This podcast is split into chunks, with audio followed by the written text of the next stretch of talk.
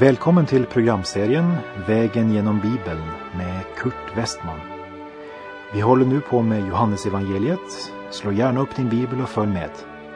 Programmet är producerat av Norea Radio.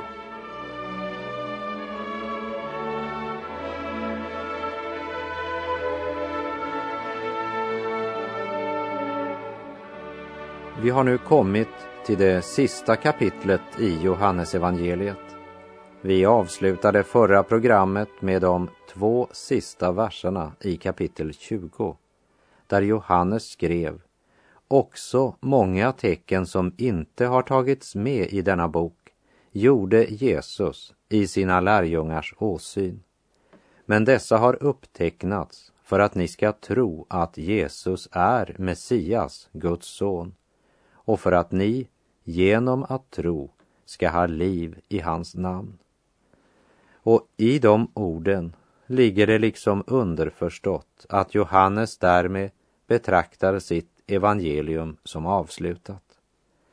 Men så ser han det som nödvändigt att komma med en epilog där hans siktemål är av mera personlig karaktär.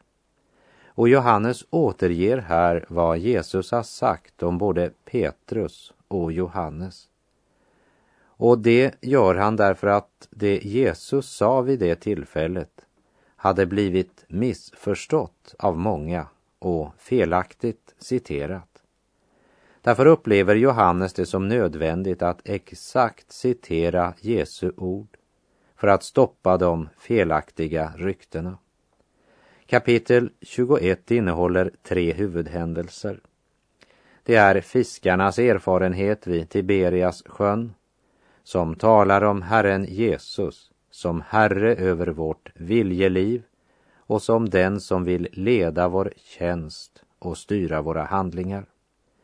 Den andra händelsen är frukosten vid Tiberias sjön som uppenbarar Jesus som vårt hjärtas Herre och som visar att vår kärlek till honom är motivet som driver oss till tjänst. Den tredje händelsen är att Jesus anger med vad slags död Petrus ska förhärliga Gud. Och det visar Herren Jesus som Herre över våra tankar och lär oss att bristande kunskap och skiftande omständigheter är ingen ursäkt för att inte tjäna honom. Hela kapitel 21 uppenbarar för oss att den uppståndne Jesus fortfarande är Gud. Johannes kapitel 21, verserna 1 till och med 3. Sedan visade sig Jesus igen för lärjungarna vid Tiberias sjön. Det gick till så. Simon Petrus och Thomas, som kallades Tvillingen, Natanael från Kana i Galileen, Sebedeus söner och två andra lärjungar var tillsammans. Simon Petrus sade till de andra, jag ger mig ut och fiskar. Då sade de, vi följer med dig. De gick ut och steg i båten, men den natten fick de ingenting. Tiberias sjön, eller Galileiska sjön som den också kallas, är närt knuten till Jesu verksamhet både före och efter uppståndelsen. Det var ett välkänt område för dessa män. Jesus hade bett dem gå till Galileen och där skulle han möta dem. Nu har de gått till Galileiska sjön och väntar där. Jag vet att många förtolkare fördömer dessa män för att de drar ut på fiske. Men Jesus går inte till rätta med dem för detta och det tror jag att det är viktigt att lägga märke till. De befann sig i Galileen på hans befallning och de kan ha väntat och väntat på att Herren Jesus skulle komma. Petrus är som vanligt den som först blir otålmodig. Och efter att oroligt ha vandrat fram och tillbaka en tid så säger han plötsligt, jag ger mig ut och fiskar. Och sex av de andra lärjungarna gör honom sällskap. De fiskade hela natten, men de fick ingen fisk. Och kanske är det här den enda sanna fiskehistorien som någonsin har blivit berättad. Det handlar om proffsen som misslyckades. Erfarna fiskare som arbetar en hel natt utan resultat. Hade de varit rastlösa tidigare så är de nu rastlösa och frustrerade. Det är givande att fiska när du får fisk. Men eh, milt sagt frustrerande när du fiskat en hel natt och inte har en enda fisk. Den natten fick de ingenting. Ingenting är ett talande ord i det här sammanhanget. De visste hur man fiskade. Det var ju deras tidigare yrke. Men denna natt var de tomma näten en frukt av Guds välsignelse. För det var ett led i Guds plan med dessa män. Men det är inte alltid lika lätt att se det som välsignelse när våra planer faller i grus och vårt arbete misslyckas och vi uppnådde ingenting av det vi hade hoppats. När jag för många år sedan stod vid Galileiska sjön så kunde jag inte låta bli att tänka på just detta. Salig är den människa som kan ta emot också den välsignelse som kommer i form av tomma nät. För eh, händelsen slutar inte där.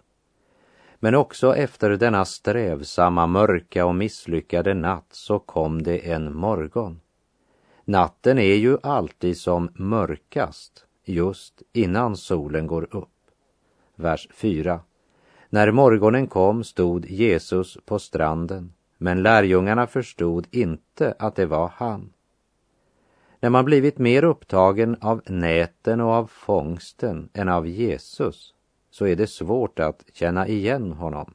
Men det är han, även om vi inte förstår det med en gång. Och vers 5. Och Jesus frågade, mina barn, har ni ingen fisk? De svarade nej. Det är otroligt hur fåordiga vi ibland kan bli och hur lite vi önskar prata om våra misslyckanden. De svarar honom, men de vill inte prata mer om det. Hade de fångat mycket fisk så skulle du ha hört och även sett hur de med iver skulle ha visat längden på de största fiskarna. Vers 6.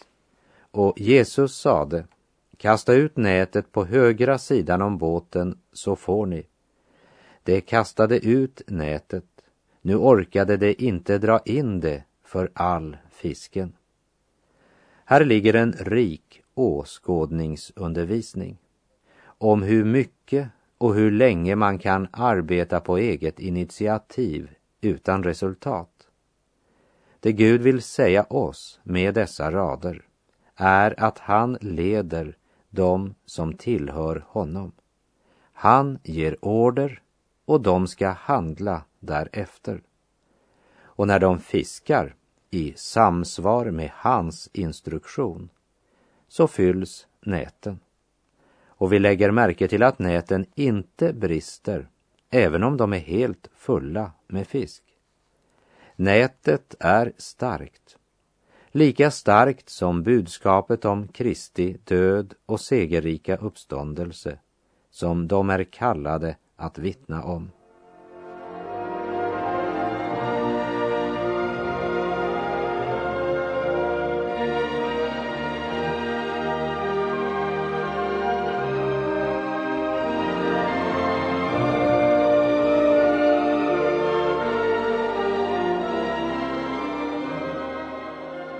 Johannes 21, vers 7. Den lärjunge som Jesus älskade sade då till Petrus, det är Herren. När Simon Petrus hörde att det var Herren knöt han om sig ytterplagget, för han var inte klädd, och hoppade i vattnet. Johannes har en större andlig vakenhet och iakttagelseförmåga än vad Simon Petrus har. Tre år tidigare hade Jesus kallat dem, kanske ungefär på samma plats där de nu befinner sig. När de nu återgått till fisket är Jesus där på nytt. Det blir en förnyad kallelse till människofiske. Petrus hade kanske inte Johannes omdöme och andliga urskiljningsförmåga. Men har du lagt märke till att så fort Petrus hade chansen att komma nära Jesus så grep han den. De andra sitter bara i båten och väntar till de har lagt till vid stranden. Men inte Simon Petrus. Han söker sig genast tätt in till Jesus. Det är underbart. Och här kommer gemenskapen in i bilden. Petrus hade mycket att lära av Johannes vakenhet och andliga bedömningsförmåga. Och Johannes hade mycket att lära av Simon Petrus iver och hängivenhet. Var för sig hade de väl bildat var sin extrema kyrka. Tillsammans utvecklas de och växer i nåd och kunskap genom att lära av varandra. Därför att båda satte Kristus först. Johannes 21, vers 8 till och med 11. De andra lärjungarna kom efter i båten med fångsten på släp. De hade inte långt till land, bara ett hundratal meter. Då de steg i land fick de se en glödhög och fisk som låg på den och bröd. Jesus sade till dem, hämta några av fiskarna som ni just fick. Simon Petrus gick upp på stranden och drog i land nätet, som var fullt av stora fiskar, 153 stycken. Och fast det var så många gick nätet inte sönder. Detta är det sista undret som Bibeln återger av Jesus. Och det är det enda under efter efter hans uppståndelse som finns återgivet i skriften. Och det är mycket viktigt för oss att ge akt på denna händelse för det är högst aktuellt för oss eftersom det handlar om Kristi verksamhet efter hans uppståndelse. Paulus uttrycker det så här i Andra Korinterbrevets femte kapitel, vers 16 och jag läser det i Gerts översättning. Alltså känner vi nu inte längre någon på vanligt människovis. Även om vi en gång kände Kristus på det viset så gör vi det inte nu längre. Vi är inte förenade med babyn i Betlehem, men med en uppstånden, levande och förhärligad Kristus som sitter på Faderns högra sida.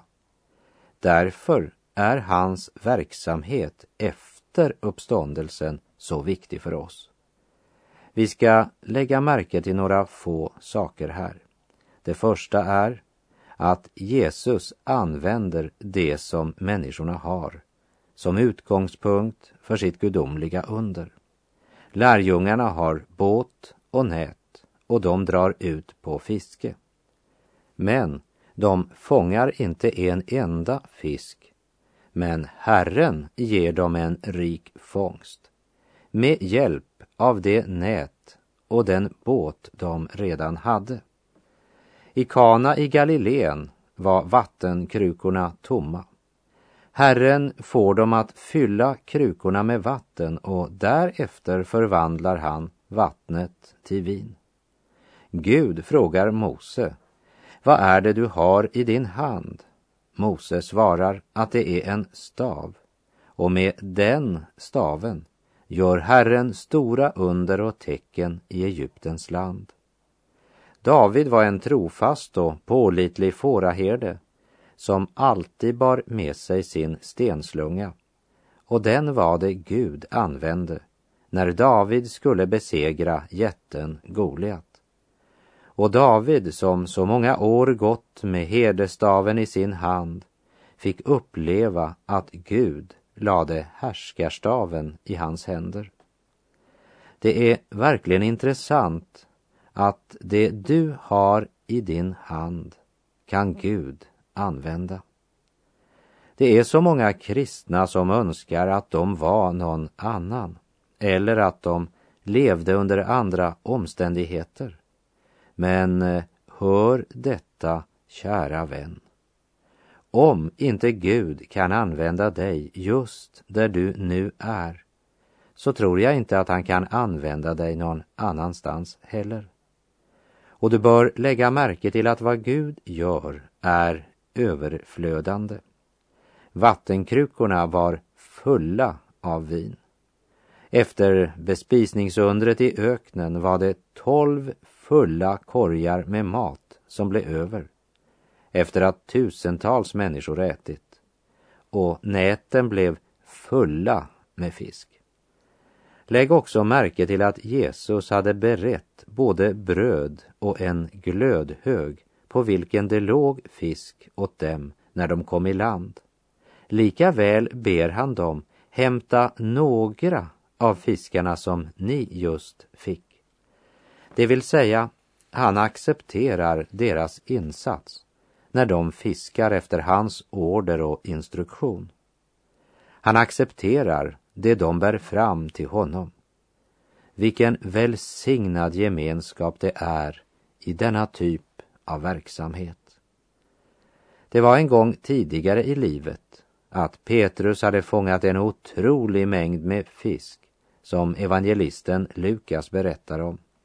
Det var i början av Jesu verksamhet och han kallade Petrus till människofiskare. Den gången gick nätet sönder. Jag tror att Jesus med det ville visa Petrus att många skulle följa Jesus men att inte alla skulle komma till levande tro och verkligen bli hans efterföljare. Det skulle ofta vara mängder med fisk, men näten skulle brista och många skulle simma bort igen.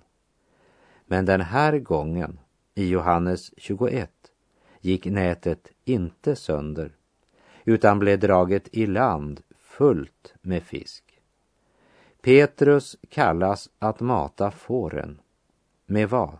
Med Guds ord med evangeliet om en uppstånden och förhärligad Kristus. Evangeliet kan inte bara frälsa, men det håller också. Även för en svag och felande lärjunge så håller evangeliets nät för den som verkligen låter sig fångas. Genom händelsen på Genesarets strand ser vi att Jesus har en mening med det han gör och han har en plan för sina barn. Han vill styra och leda våra liv helt och fullt. Och motgången med de tomma näten blev Petrus till välsignelse när han lärde sig sanningen i Jesu ord som vi minns från Johannes kapitel 15. Utan mig, sa Jesus, kan ni ingenting göra. Och nu var de orden mer än teori för Petrus. Om vi gör som hans ord säger så får vi också uppleva mitt i det mörkaste och den strävsammaste fångstlösa natt att han står på stranden med bröd och en varm glöd med fisk. Han vill välsigna dig han vill vara Herre också över ditt hjärta, dina tankar och Herre över din vilja. Kort sagt, han vill vara Herre över ditt liv.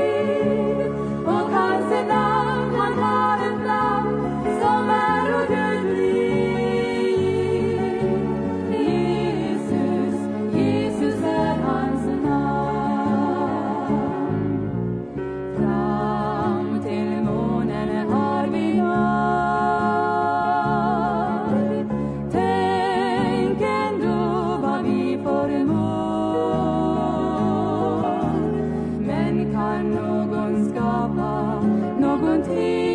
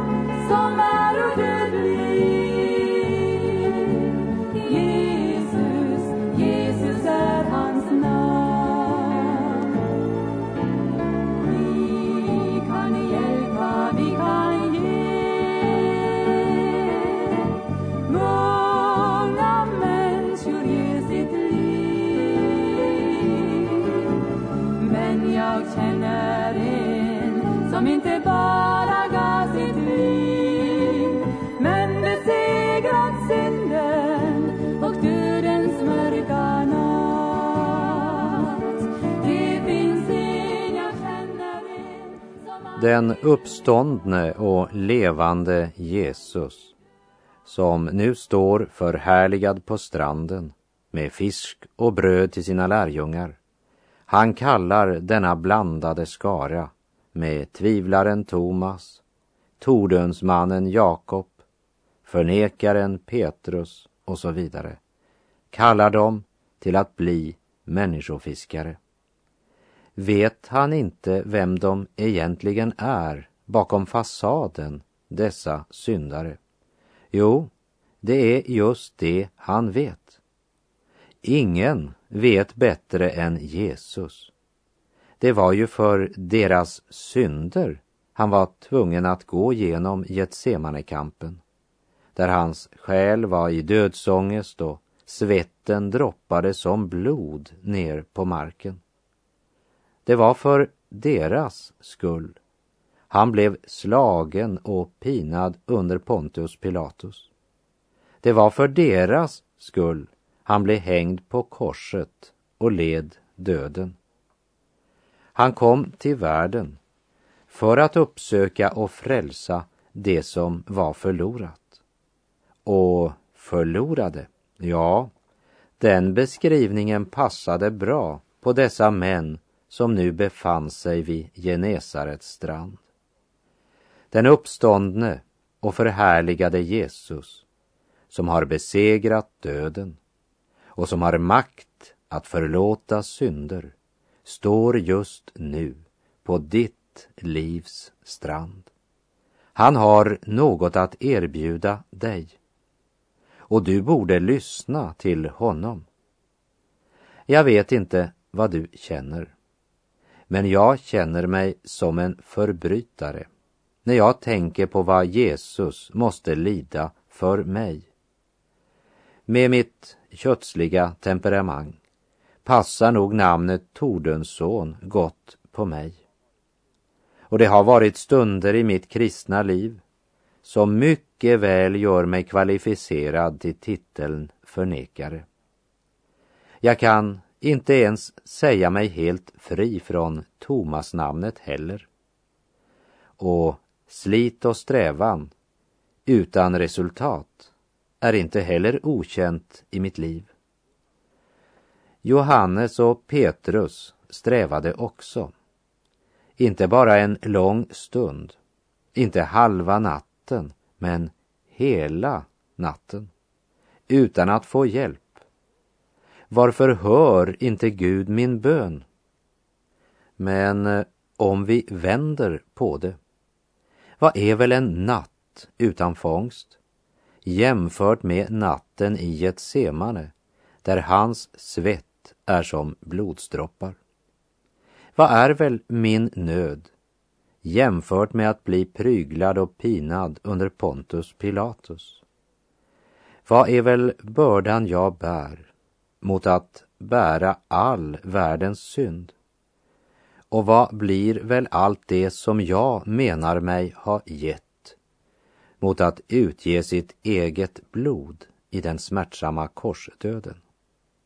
Jag skäms när jag tänker på mitt förhållandevis bekväma och lättsamma liv och hur lätt jag klagar.